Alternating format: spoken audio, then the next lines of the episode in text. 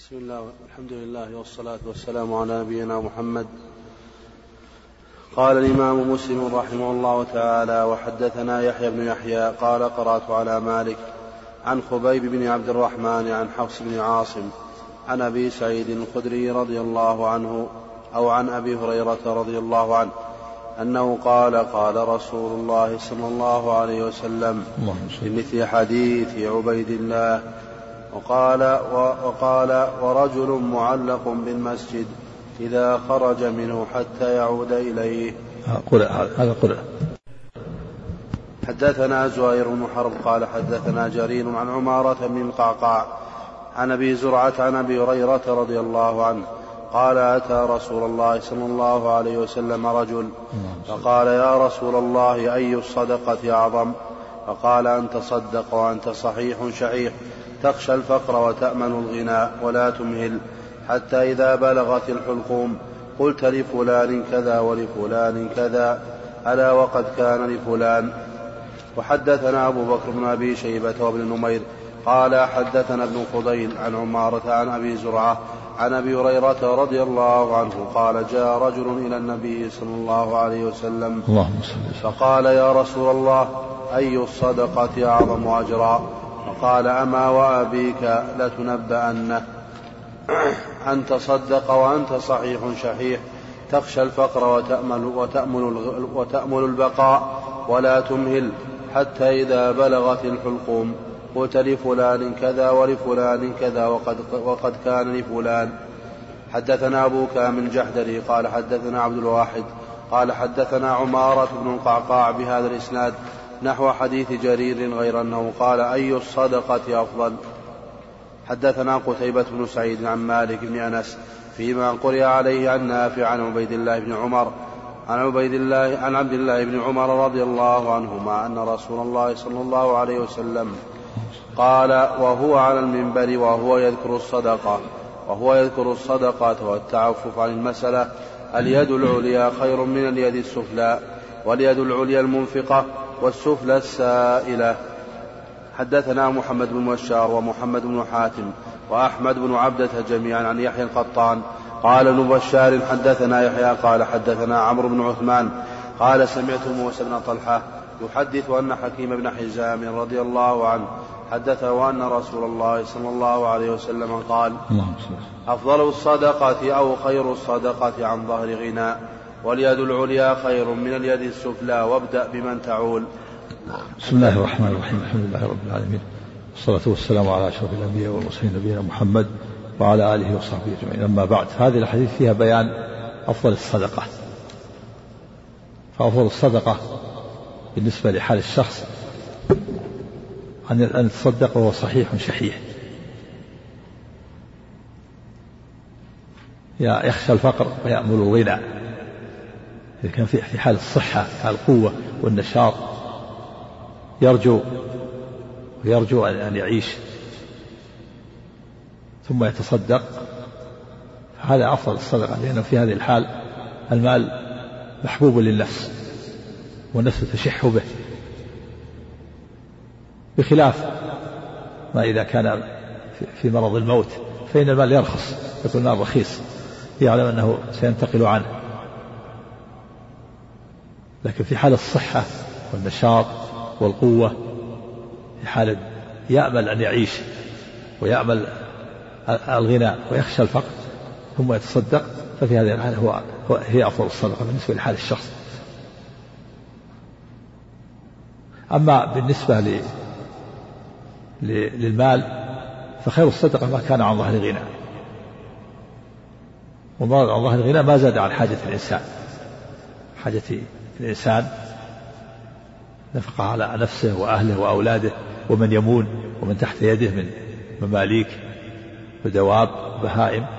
ما زاد عن ذلك تصدق به. وبالنسبة للصدق عليه أفضل الصدقة الصدقة على على الأقارب. ولهذا قال النبي وابدأ بمن تعود. الأقارب والأرحام وفي الحديث الآخر دينار نفقته على أهلك ودينار أنفقته على مسكين ودينار أنفقته على دابتك. ما تبقى من مادة هذا الشريط تتابعونها في الشريط التالي. الحديث الآخر دينار أنفقته على أهلك ودينار أنفقته على مسكين ودينار أنفقته على دابتك ودينار أنفقته في سبيل الله أعظم أجرا الذي أنفقته على أهلك. في حديث في قصة ميمونة أنها لما أعتقت وليدة لها قال النبي صلى الله عليه وسلم ما إنك لو أعطيتها أخوانك لكان أعظم لأجلك. الصدقة على الأقارب قدم على الصدقة على الأباعد. وابدأ بمن تعول يعني بمن يجب عليك عولهم والإنفاق عليهم. يبدأ بهم الإنسان. يبدأ بنفسه ثم بأولاده وأهله وزوجته ووالديه ومن تحت يده. من تجب عليه نفقتهم. واليد العليا خير من اليد السفلى. اليد العليا هي اليد المنفقة والسفلى اليد الآخرة. وفيه الحث على أن تكون يد الإنسان يد عليا. حث على الكسب كسب المال من وجوه المشروعة حتى يتصدق وتكون يده يد العليا وفيه تحذير من السؤال. الحديث الكثيرة فيها التحذير من السؤال وأنه لا ينبغي الإنسان أن يسأل إلا من ضرورة. فالمسلم يكسب يكسب المال من وجوه المشروعة يعمل يشتغل بالفلاحة بالزراعة يشتغل بال... بعمل يده يكون يكون زارع يكون حراث يكون بناء يكون سباك يكون كهربائي مبلط دهان خراز. جزار مزارع يشتغل بالتجارة وعمل الساعات يعمل مؤمن يكون نشيط. والأنبياء كانوا يعملون.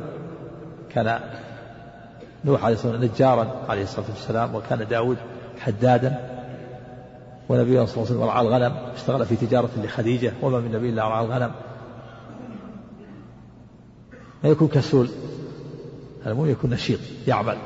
حتى لا يحتاج إلى الناس. كان الصحابة رضوان الله عليهم لما حثهم النبي صلى الله عليه وسلم على الصدقة وليس عندهم شيء صاروا يحاملون. يعني يشتغل حمالي. يحمل للناس أمتعتهم ويعطونه ثم ينفق على أهله ويتصدق له إذا أعطي درهمان أنفق على أهله درهم وتصدق بدرهم. ما يكون الإنسان عالة على غيره. مسلم يكون يكون نشيط يكون عنده نشاط يعمل. حتى لا تكون يده يدا سفلى آخرة تكون يده يد عليا. وأما قول أما والله أما وأبيك لتنبئن لتنبئن فالصواب أن هذا الحلف بأبيه كان أولا قبل النهي عن الحلف بغير الله. كانوا أو في أول الهجرة قبل أن في أول الهجرة كانوا يحلفون بآبائهم.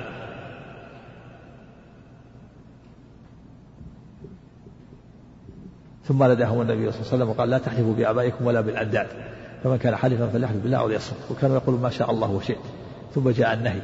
لا تقولوا ما شاء الله وشئت ولكن قولوا ما شاء الله ثم شئت. نعم.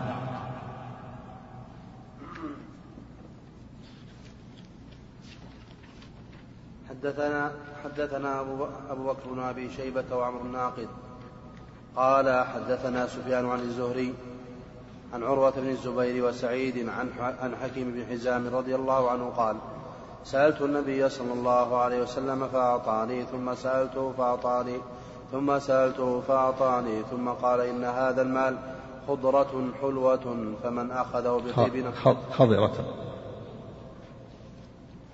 وفي القاموس بفتح ثم كسر. نعم. ثم قال إن هذا المال خضرة حلوة.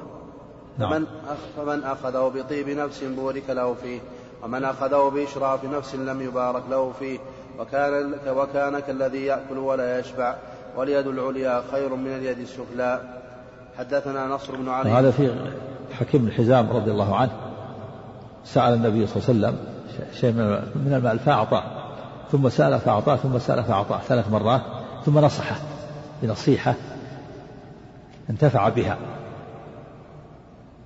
فلما سأل ثلاث مرات وأعطاه قال له النبي صلى الله عليه وسلم إن هذا المال خضرة حلوة. يعني تميل إليه النفس. الخضرة الشيء الأخضر مرغوب فيه والحلو مرغوب فيه اجتمع الأمران. وفيه بيان أن أن أن هذا الشيء زائل الخضر ما يبقى خضرة. وكذلك الحلو كذلك المال شيء زائل إن هذا المال خضرة الحلو فمن أخذه بطيب نفس بورك له فيه. طيب نفس يعني لم يتطلع إليه. ولم تكن نفسه مشرفة إليه. وإنما, وإنما أخذ بسخاوة نفس. فمن أخذه بطيب نفس يعني نفس أخذ بسخاوة نفس لم يتطلع إليه ولم يسأل ولم يتعرض المال وإنما جاءه شيء من العلم فأخذه بسخاوة نفس. بورك له فيه. ومن أخذه بإشراف نفس لم يبارك له فيه. الذي يأخذ بإشراف نفس يعني يتطلع فيتعرض ويتطلع لمن يعطيه. يأتي عند أصحاب الأموال أو من يظن أنهم أو بعض الأمراء من يظن أنه يعطيه يخدمهم ويأتي عندهم ويتطلع. هذا أخذ بإشراف نفسه لم يبارك له فيه. وكان كالذي يأكل ولا يشبع. الذي يأكل ولا يشبع. والذي وكالذي يشرب مثلا ولا يروى. واليد العليا خير من اليد السفلى. اليد العليا هي يد المنفقة والسفلى هي الآخرة. وفي حث على أن تكون الإنسان يده يد العليا. لا تكون يده يد السفلى. فالذي يتطلع إلى المال أو يسأل الناس ويشحذ يده سفلى. والذي لا يتطلع وعنده غنى غنى النفس يعمل ويشتغل ويعتمد على الله ثم على كسبه وعمله ولا يتطلع إلى الآخرين ولا يتطلع إلى المال الذي يأتيه من غيره. هذا هو الذي أخذ بسخاوة نفسه يبارك له فيه. والأول لا يبارك له فيه دائما يتطلع دائما يشحذ بعض الناس اللي ابتلوا بسؤال الناس تجده يستمر. بعضهم يكون عنده عليه عنده حمالة أو ديون ثم يقضي الدين ويستمر. يستمر. ألف هذه المحنة كالذي يأكل ولا يشبع. فانتفع حكيم رضي الله عنه بهذه النصيحة فقال كما في اللفظ الآخر والذي نفسي بيده لا أرزع بعدك أحدا أبدا يخاطب النبي. يعني لا أنقص شيئا من ماله فلما توفي النبي صلى الله عليه وسلم واستخلف أبو بكر رضي الله عنه قسم الأموال من الفيء كل واحد له نصيب معين. دعا حكيما ليعطيه فامتنع. قال لا أريده. ثم لما توفي أبو بكر رضي الله عنه واستخلف عمر وزع الأموال على الناس وزع شيء من المال ومن الفيء دعا حكيم ليعطيه نصيبه فامتنع. فأشهد عليه عمر وقال أيها الناس أشهدكم على حكيم يعطيه قسمه الذي فرض الله له. ويأبى فلم يرجع حكيم بعد النبي صلى الله عليه وسلم انتفع بنصيحة النبي صلى الله عليه وسلم حتى ترك حقه. رضي الله عنه وأرضاه. نعم. حدثنا نصر بن علي الجهضمي وزهير بن حرب وعبد بن حميد قالوا حدثنا عمر بن يونس قال حدثنا عكرمة بن عمار قال حدثنا شداد قال سمعت أبا أمامة رضي الله عنه قال قال رسول الله صلى الله عليه وسلم يا ابن آدم إنك أن تبذل الفضل خير لك وأن تمسكه شر لك ولا تلام على كفاف وابدأ بمن تعول واليد العليا خير من اليد السفلى. قول أن تبذل فتح الهمزة وكذا أن تمسكه مصدر. مصدر يؤول معا وأول أن مع الفعل بمصدر والمعنى أن تبذل الفضل. معنى بذل معنى إن بذلك الفضل خير لك وإمساكك الفضل شر لك. أن تبذل هذا مصدر يؤول يسبك أن مع الفعل تسبك مصدر. إن بذلك الفضل خير لك وإمساكك الفضل شر لك. والفضل ما زاد عن حاجة الإنسان وحاجة عياله. والمعنى أن بذل الفاضل خير خير لبقاء ثوابه وإمساكه شر لأنه إن كان واجبا استحق العقاب عليه حيث لم يخرج الواجب من الزكاة وغيرها. وإن كان مندوبا نقص ثوابه. وفي كلا الحالين شر لتفويته مصلحة نفسه في آخرته. قل ولا تلام على كفاف يعني قدر الحاجة لا لوم على صاحب على صاحبه. الإنسان يبقي ما يحتاج إليه من المال النفقة على نفسه وأهله وأولاده حتى لا يحتاج إلى غيره لا يلام على هذا. الكفاف الكفاف ما يحتاج إليه إنسان. و والذي لا بد منه. نفقة وكسوة والسكنى حوائج الإنسان التي لا بد منها لا يلام عليه إنسان. وابدأ بمن تعول يعني العيال والقرابة أحق من الأجانب.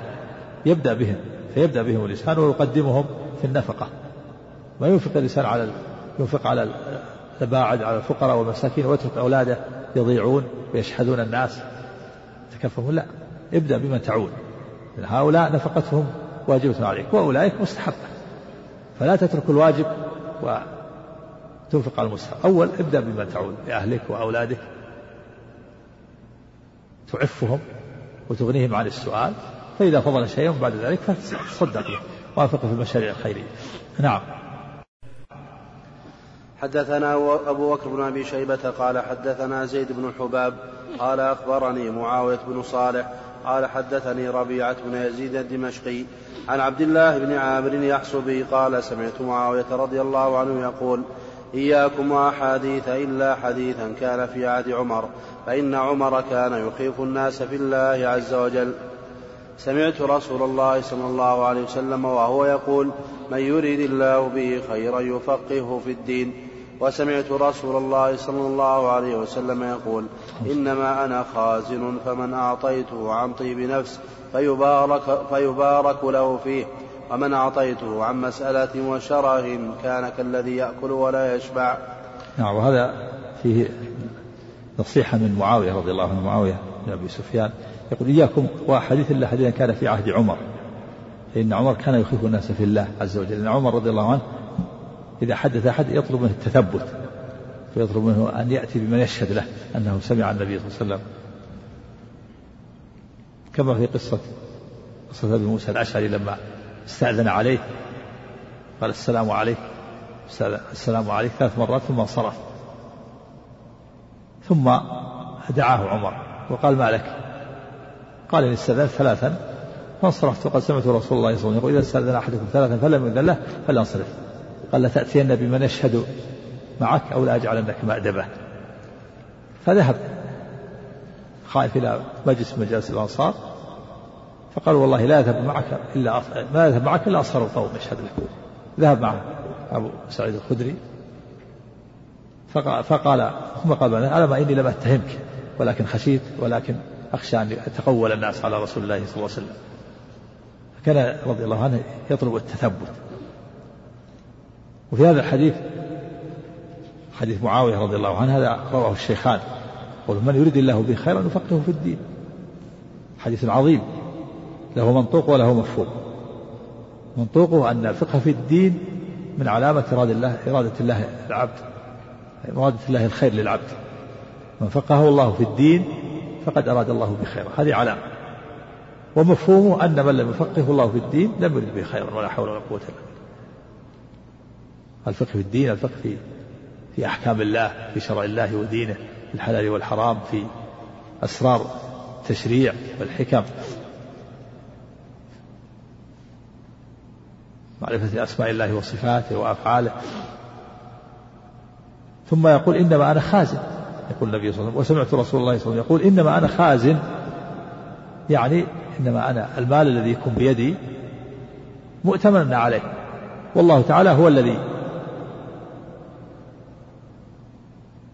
هو الذي آه، يأمرني وأتصرف فيه في توزيعه وإنفاقه.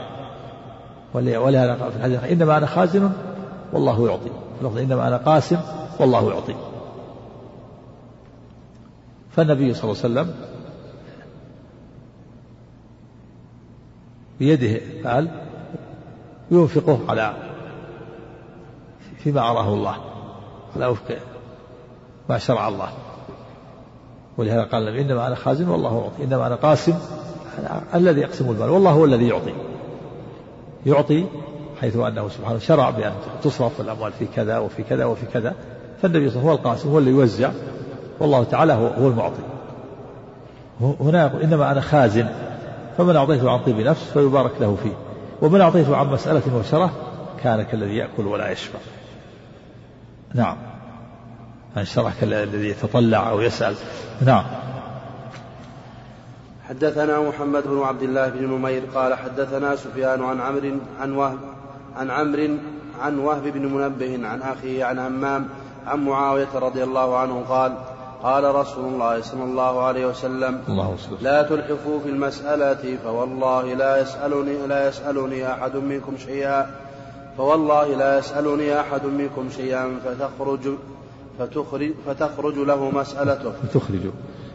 فتخرج له فتخرج له مسألته مني شيئا وأنا له كاره فيبارك له فيما أعطيته.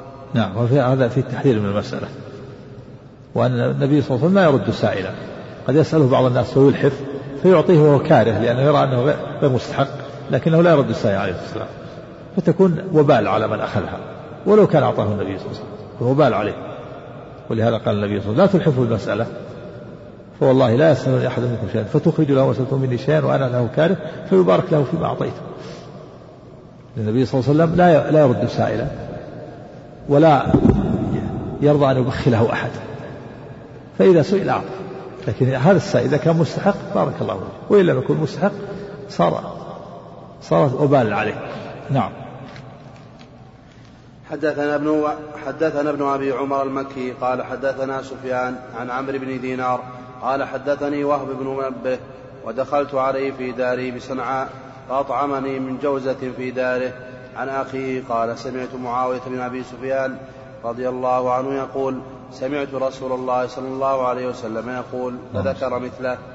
وحدثني حرملة بن يحيى قال أخبرني ابن وهب قال أخبرني يونس عن ابن شهاب قال حدثني حميد بن عبد الرحمن بن عوف قال سمعت معاوية بن أبي سفيان رضي الله عنه وهو يخطب يقول إني سمعت رسول الله صلى الله عليه وسلم يقول من يرد الله به خيرا يفقه في الدين وإنما أنا قاسم وهو وإنما أنا قاسم ويعطي الله. نعم الرسول يوزع قاسم ينفقه في فيما أراه الله فيما شرعه الله. والله تعالى هو المعطي. هو الذي شرع. سبحانه وتعالى أن تنفق الأموال على الفقراء وعلى المساكين وفي كذا. والرسول صلى الله عليه وسلم يقسم ويوزع. يوزع على ما شرع الله. على المشاريع على الجهات التي شرع الله أن ينفق فيها. نعم. حدثنا قتيبة بن سعيد قال حدثنا المغيرة يعني الحزامي عن أبي الزناد عن الأعرج عن أبي هريرة رضي الله عنه أن رسول الله صلى الله عليه وسلم قال ليس المسكين بهذا الطواف الذي يطوف على الناس فترده اللقمة واللقمتان والتمرة والتمرتان. قالوا فما المسكين يا رسول الله؟ قال الذي لا يجد غنى, غنى يغنيه ولا يفطن له فيتصدق عليه ولا يسأل الناس شيئا. المعنى أن هذا أولى بوصف المسكنة من الطواف. هذا أولى بوصف المسكنة من الطواف. الطواف الذي يطوف على الناس ويدور عليهم ويسألهم ويشهد دق الأبواب أو يمد يده. يحصل على شيء. يعطيه هذا لقمة وهذا يعطيه تمرة هذا يعطيه درهم هذا يعطيه دينار. فيتجمع شيء يحصل على ما يسد حاجته. لكن الذي أشد منه مسكنة الذي ليس الفقير الذي ليس عنده شيء يكفيه ولكنه يستحي فلا يسأل الناس. وليس عليه علامة الفقر بل هو متعفف عليه علامة الغنى فلا يفطن له. فهو يستحي لا, لا يسأل الناس لأنه يستحي. وليس عليه علامة الفقر حتى يتفطن له وليس عنده شيء. قد يموت في بيته ولا ولا يعلم عنه. هذا هو الذي ينبغي البحث عنه. البحث عنه وتطلبه والتعرف عليه. الذي لا يجد غنى يغنيه فقير لا يجد غنى يغنيه. ولا يقوم فيسأل الناس. ولا يفطر له فيتصدق عليه. هذا أشد حاجة من الطواف المسكين. الطواف المسكين هذا مسكين صحيح مسكين لكن هذا أشد منه. هذا نفس نفي الوصف عمن هو أولى منه. نفي الوصف لإثباته بمن هو أولى منه لمن هو أولى منه. فالمسكين الطواف الذي يطوف على الناس فترده اللقمة واللقمتان والتمرة والتمرتان وفي اللفظ والأكلة والأكلتان هذا مسكين. لكنه يتجمع عندما يسد حاجته. لكن أشد منه حاجة ومسكنة هذا الذي يستحي فلا يسأل الناس. وهو فقير ليس عنده شيء وليس عليه علامة الفقر بل عليه علامة الغنى. يحسبهم الجاهل الأغنياء من التعفف. فلا يفطر له فيتصدق عليه. قد يموت في بيته ولا ولا يعلم له هذا هو الذي ينبغي التعرف عليه والبحث عنه وإعطائه. الصدقة. نعم. حدثنا يحيى بن أيوب وقتيبة بن سعيد قال ابن أيوب حدثنا إسماعيل وهو ابن جعفر قال أخبرني شريك عن عطاء بن يسار مولى ميمونة رضي الله عنه عنها عن أبي هريرة رضي الله عنه أن رسول الله صلى الله عليه وسلم قال ليس المسكين بالذي ترده التمرة والتمرتان ولا اللقمة واللقمتان إنما المسكين المتعفف. اقرأوا إن شئتم لا يسألون الناس إلحافا. يعني المعنى المتعفف أشد حاجة من السائل. وهذا له, له نظائر. نفي الوصف لإثباته لمن هو أولى منه. كقوله صلى الله عليه وسلم ليس ليس ليس الشديد بالسرعة. إنما الشديد الذي يملك نفسه عند الغضب الغضب.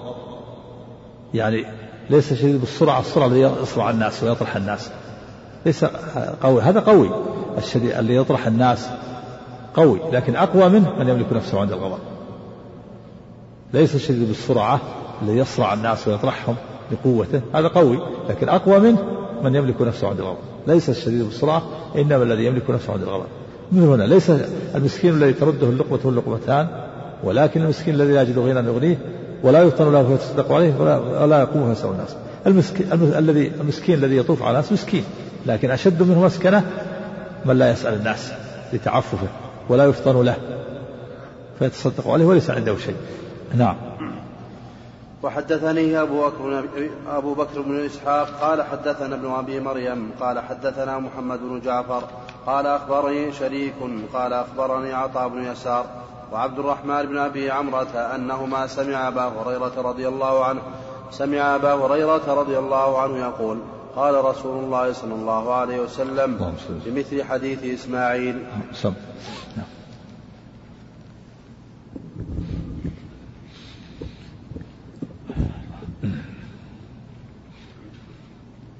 وحدثنا أبو بكر وحدثنا أبو بكر بن أبي شيبة قال حدثنا عبد الأعلى بن عبد الأعلى عن معمر عن عبد الله بن مسلم أخي, أخي, أخي الزهري عن حمزة بن عبد الله عن أبيه أن النبي صلى الله عليه وسلم قال لا تزال المسألة بأحدكم حتى يلقى الله وليس في وجهه مزعة لحم. نعم هذا فيه تحذير من السؤال بغير حق. أن الإنسان يسأل حتى يأتي يوم القيامة وقد سقط لحم وجهه نعوذ بالله. نعم. بسبب السؤال بغير حق. نعم. الله عنك. يسأل الناس يشحذ وهو ليس مستحق عنده غني أو, أو, أو يكذب على الناس وأنه فقير أو أنه محتاج أو أن عليه دية أو أن عليه ديون وهو كذاب. نسأل الله العافية. هذا حرام عليه سحت. يأكلها سحت كما سيأتي. نعم. وحدثني عمرو الناقد قال حدثني إسماعيل بن إبراهيم قال أخبرنا معمر عن أخي الزهري بهذا الإسناد مثله ولم يذكر مزعة. وحدثني أبو الطاهر قال أخبرنا عبد الله بن وهب قال أخبرني الليث عن عبيد الله بن أبي جعفر عن حمزة بن عبد الله بن عمر رضي الله عنهما أنه سمع أباه يقول قال رسول الله صلى الله عليه وسلم ما يزال الرجل يسأل الناس حتى يأتي يوم القيامة وليس في وجهه مزعة لحم. وحدثنا أبو كريب وواصل بن عبد الأعلى قال حدثنا ابن فضيل عن عمارة بن القعقاع عن أبي زرعة عن أبي هريرة رضي الله عنه قال قال رسول الله صلى الله عليه وسلم من سأل الناس أموالهم تكثرا فإنما يسأل جمرا فإنما يسأل جمرا فليستقل أو, أو ليستكثر. الله العافية حدثنا حدثني هناد بن السري قال نعم. حدثنا أبو الله العافية يعني أن الذي يسأله يكون جمرا لكوابه يوم القيامة كما ثبت في مانع الزكاة. أو أنه يؤدي إلى دخول النار فيكون فيكون جمرا نعوذ بالله. نعم. الله عنك. حدثني هناد بن السري قال حدثنا أبو الأحوص عن بيان أبي بشر عن قيس بن أبي حازم عن أبي هريرة رضي الله عنه قال سمعت رسول الله صلى الله عليه وسلم يقول لأن يغدو أحدكم فيحطب على ظهره فيتصدق به ويستغني به من الناس خير له من أن يسأل رجلا أعطاه أو منعه ذلك لأن اليد العليا أفضل من اليد السفلى. فإن؟ الله عنك. فإن اليد العليا أفضل من اليد السفلى. وابدأ بمن تعول. نعم. كون الإنسان يشتغل ويعمل خير له. وإذا لم يجد شيء يذهب إلى البر يحتض يحطب ويبيع أو يحش يحش الحشيش ويبيع. لأن يغدو أحدكم ويحطب على ظهره ويجعل الحزمة الحطب على ظهره فيتصدق به ويستغني به عن الناس يكف الله بها وجهه عن السؤال. خير له من يسأل رجل أعطاه ومنعه يريق مع وجهه يقول فأعطني يا فلان.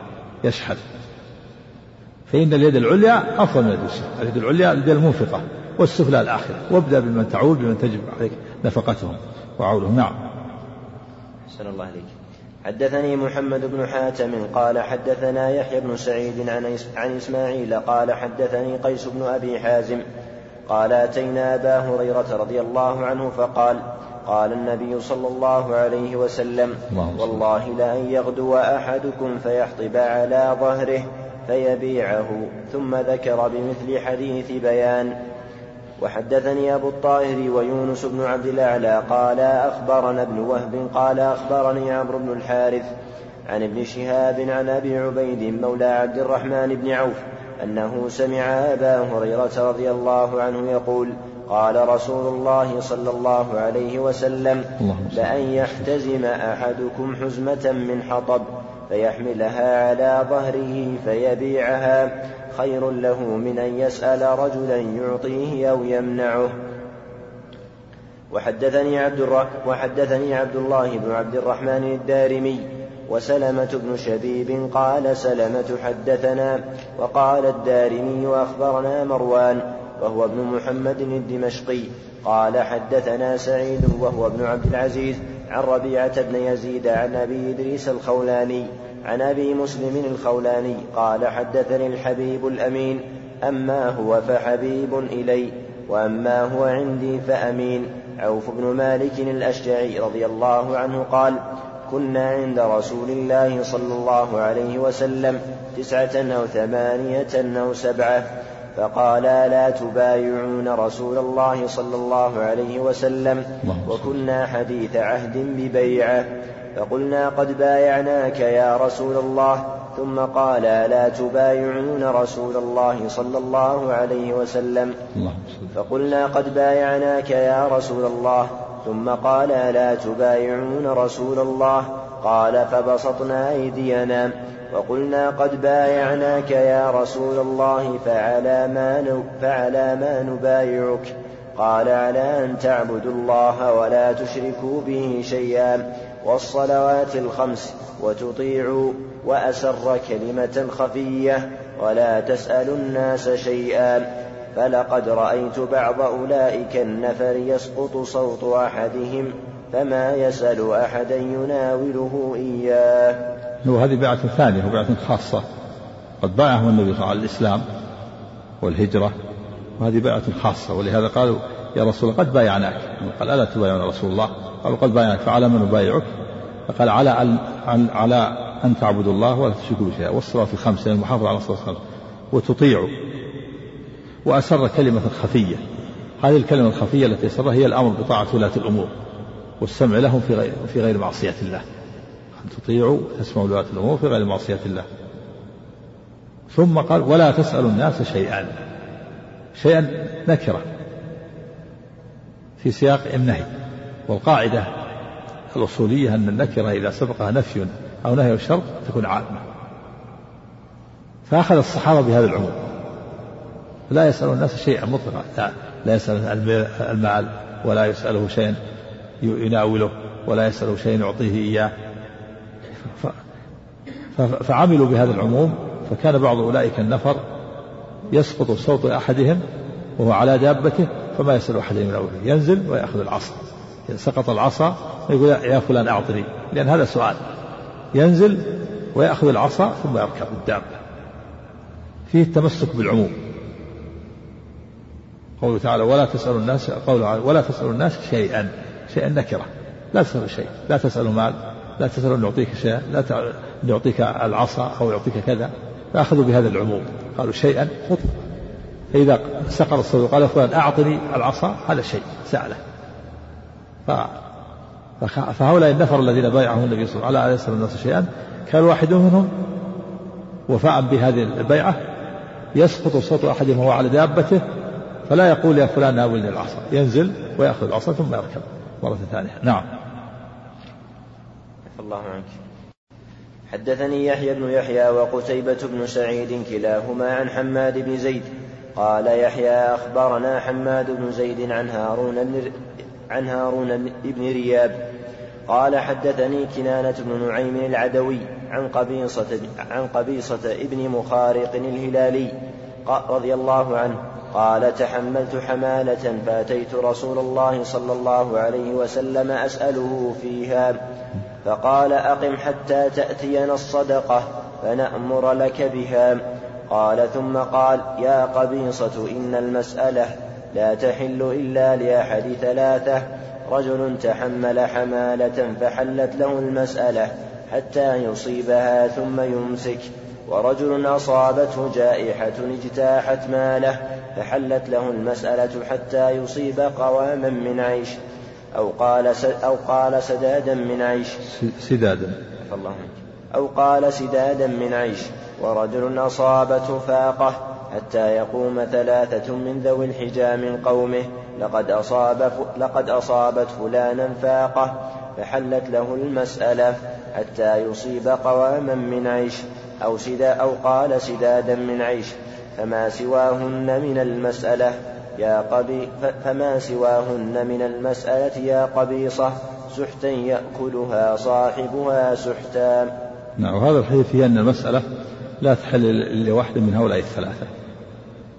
في حصر حصر من تحل له المسألة. ثلاثة الرجل الأول رجل تحمل حمالة. فحلت له المسألة حتى يصيبها ثم يمسك. يعني يتحمل في دين في ذمة دين يصلح بين الناس. حصل بين قبيلتين شر فتحمل. قال أنا أصلح بين أعطي هؤلاء مال ويعطي هؤلاء مال. تحمل في ذمته خمسين ألف لهؤلاء وخمسين ألف لهؤلاء حتى تزول الإحن والبغضة والشحنة. فهذا يعطى ولو من الزكاة ولو كان غنيا تقديرا لعمله النبيل. ثم يمسك إذا أخذ ما تحمله. والثاني رجل أصابته جائحة اجتاحت ماله. حريق أو أو ريح إذا كان له صاحب بستان ولم يقع عنده شيء. ينفق على نفسه وعلى أهله. فهذا يسأل حتى يجد ما ما ينفق على نفسه وأهله. ثم يمسك. والثالث رجل أصابته فاقة. فقر شديد مدقع حتى شهد له ثلاثة من قومه من أصحاب العقول من ذوي الحجة العقل. وقام قام ثلاثة وقالوا نشهد أن فلان أصابته فاقة. وما سوى هؤلاء الثلاثة؟ فسحتا يأكلها صاحبها سحتا. وفي أنه لا يقبل إلا قول ثلاثة في هذا ما يقول واحد ولا اثنين. ثلاثة من ذوي العقل. وهذه بينة. وهذه إحدى أنواع البينات. الذي يدعي الفقر لا البينة لا بد أن يشهد ثلاثة ما يكفي واحد ولا اثنان. والبينات أنواع. منها ما لا يقبل فيه إلا ثلاثة كالذي يدعي الفقر ومنها ما لا يقبل فيه إلا أربعة عدول. من الرجال كالبينة التي تثبت فيها حد الزنا لا بد من أربعة. ومنها ما لا يقبل منه إلا ثلاثة وهي ثلاث عدول من الرجال من ذوي الحجى من قومه البينة على أن فلان أصابته فاقة. فتحل له المسألة حتى يصيب قواما من عيش أو سدادا من عيش. ومنها ما لا يقول فيه إلا عدلان من الرجال وهو ما يوجب القصاص أو الحد غير الزنا. ومنها ما يقبل فيه رجلان أو رجل وامرأتان. كالأموال والديون. قال الله تعالى واستشهدوا شهيدين من رجالكم فإن لم يكونا رجلين فرجل وامرأتان. ومنها ما يقبل فيه امرأة واحدة كالرضاع والبكارة والثيوبة ونحوها مما لا يطلع عليه إلا النساء. يكفي امرأة واحدة عدل إذا قيل هل المرأة المرأة هل هي بكر أو غير بكر تكشف عليها واحدة عدل ويكفي وكذلك الرضاع. ومنها ما يكون فيه البينة شاهدة ويمين المدعي وهي الأموال والديون عند عدم وجود الشاهدين. يكون شاهد ويمين المدعي. نعم. أحسن الله إليك. وحدثنا هارون بن معروف قال حدثنا عبد الله بن وهب هاء وحدثني حرملة بن يحيى قال أخبرنا ابن وهب قال أخبرني يونس عن ابن شهاب عن سالم بن عبد الله بن عمر عن أبيه رضي الله عنهما قال سمعت, ابن سمعت عمر بن الخطاب رضي الله عنه يقول قد كان رسول الله صلى الله عليه وسلم يعطيني العطاء فأقول أعطه أفقر إليه مني حتى أعطاني مرة مالا فقلت أعطه أفقر إليه مني فقال رسول الله صلى الله عليه وسلم خذه وما جاءك من هذا المال وأنت غير مشرف ولا سائل فخذه وما لا فلا تتبعه نفسك. يعني إذا لم يكن ثمنا لدينه إذا جاء مال وغير متطلع ولا مشرف يأخذه إلا إذا كان ثمنا لدينه يعني أعطيه لأجل أن يسكت عن الحق أو يتكلم بالباطل هذا لا يأخذه كما جاء في العطاء عن عطاء. فإن كان ثمنا لدينك فدعه. أما الشيء اللي يتطلع إليه الإنسان ما ينبغي يتطلع إلى المال أو يشحذ لا يسأل ولا يتطلع ولا يشرف. نعم. الله عنك. وحدثني أبو الطاهر قال أخبرنا ابن وهب قال أخبرني عمرو بن الحارث عن ابن شهاب عن سالم بن عبد الله عن أبيه رضي الله عنهما أن رسول الله صلى الله عليه وسلم كان يعطي عمر بن الخطاب رضي الله عنه العطاء فيقول له عمر أعطه يا رسول الله أفقر إليه مني. فقال له رسول الله صلى الله عليه وسلم خذه فتموله أو تصدق به. وما جاءك من هذا المال وأنت غير مشرف ولا سائل فخذه وما لا فلا تتبعه نفسك. قال سالم فمن أجل ذلك كان ابن عمر رضي الله عنهما لا يسأل أحدا شيئا ولا يرد شيئا أعطيه.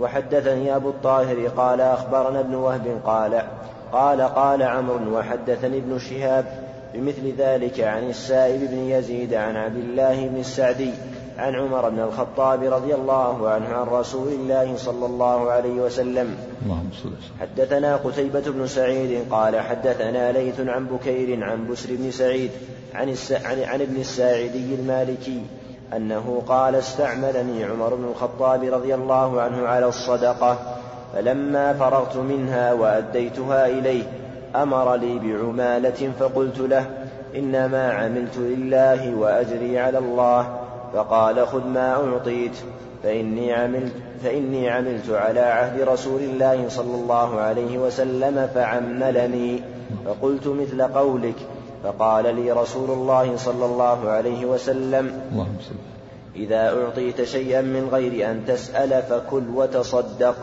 وحدثني هارون بن سعيد الليلي قال حدثنا ابن وهب قال أخبرني عمرو بن الحارث عن بكير بن الأشج عن بسر بن سعيد عن ابن السعدي أنه قال استعملني عمر بن الخطاب رضي الله عنه على الصدقة بمثل حديث الليث.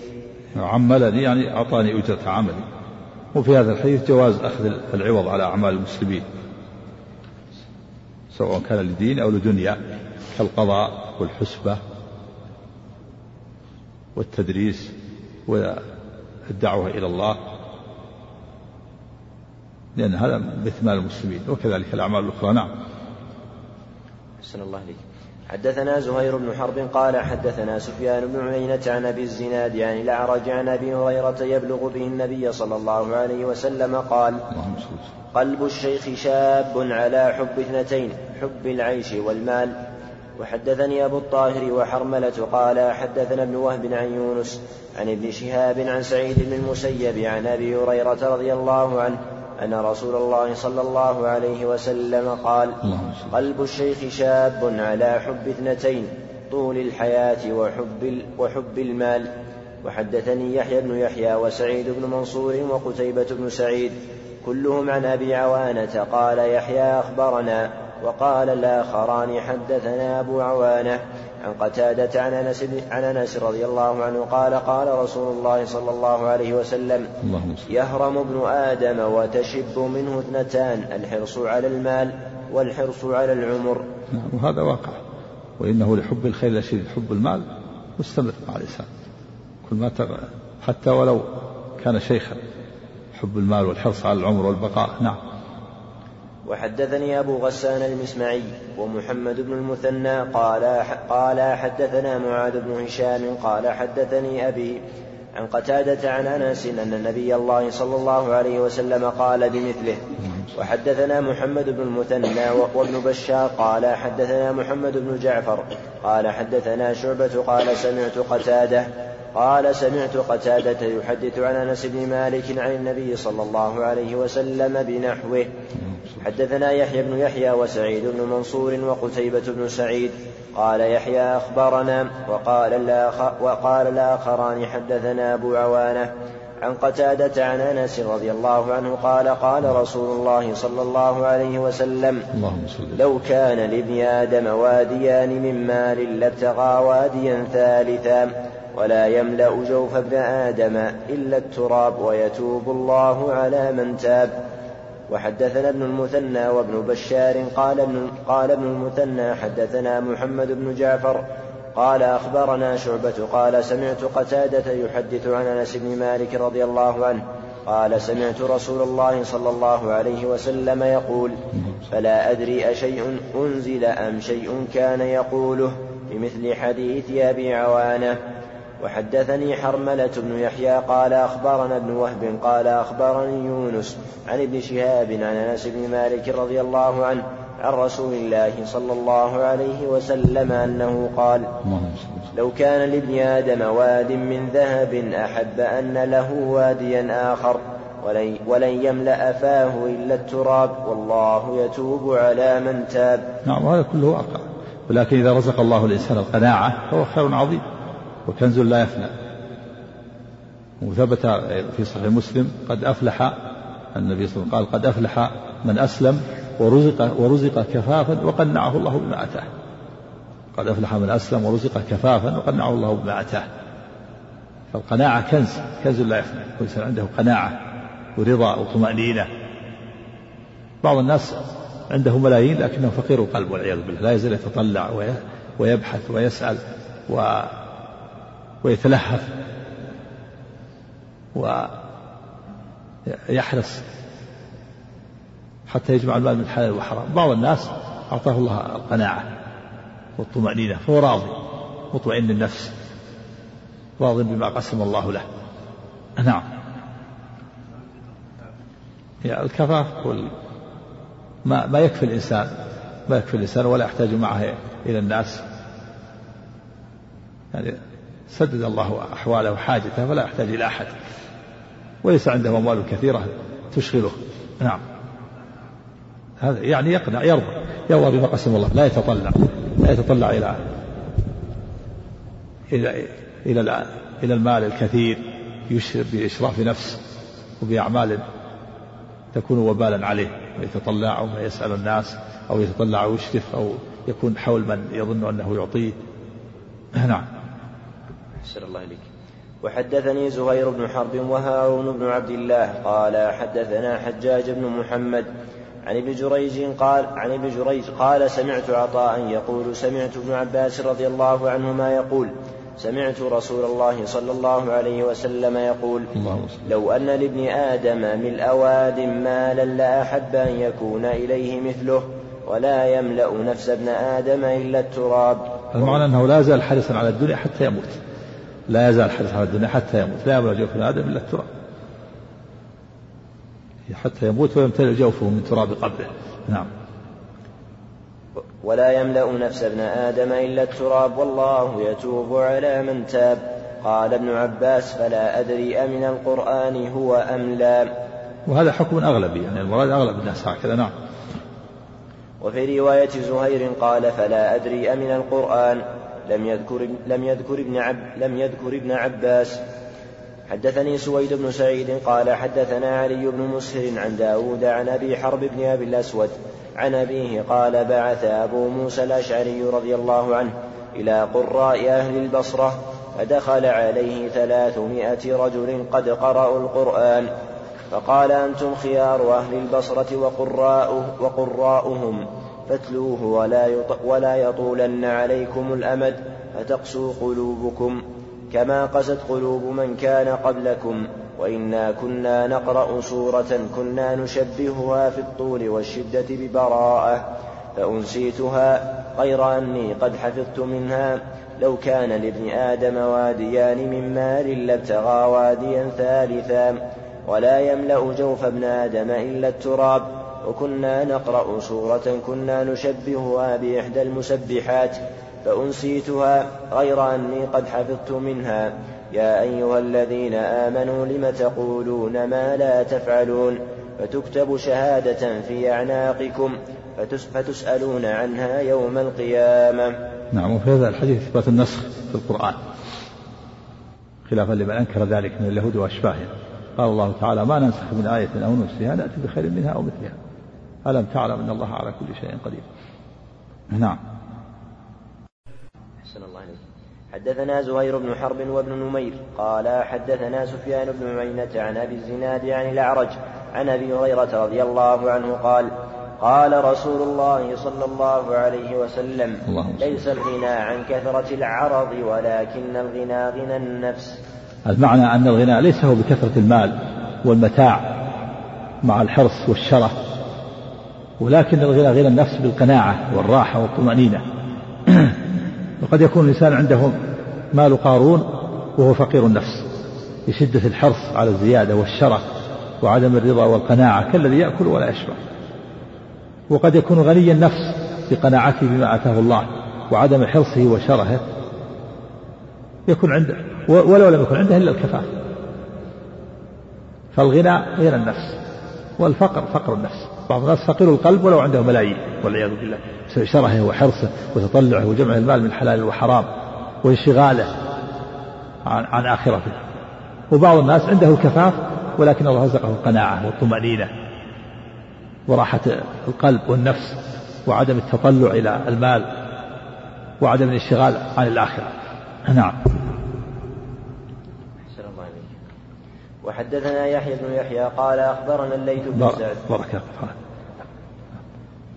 نعم. سب. نعم. نعم.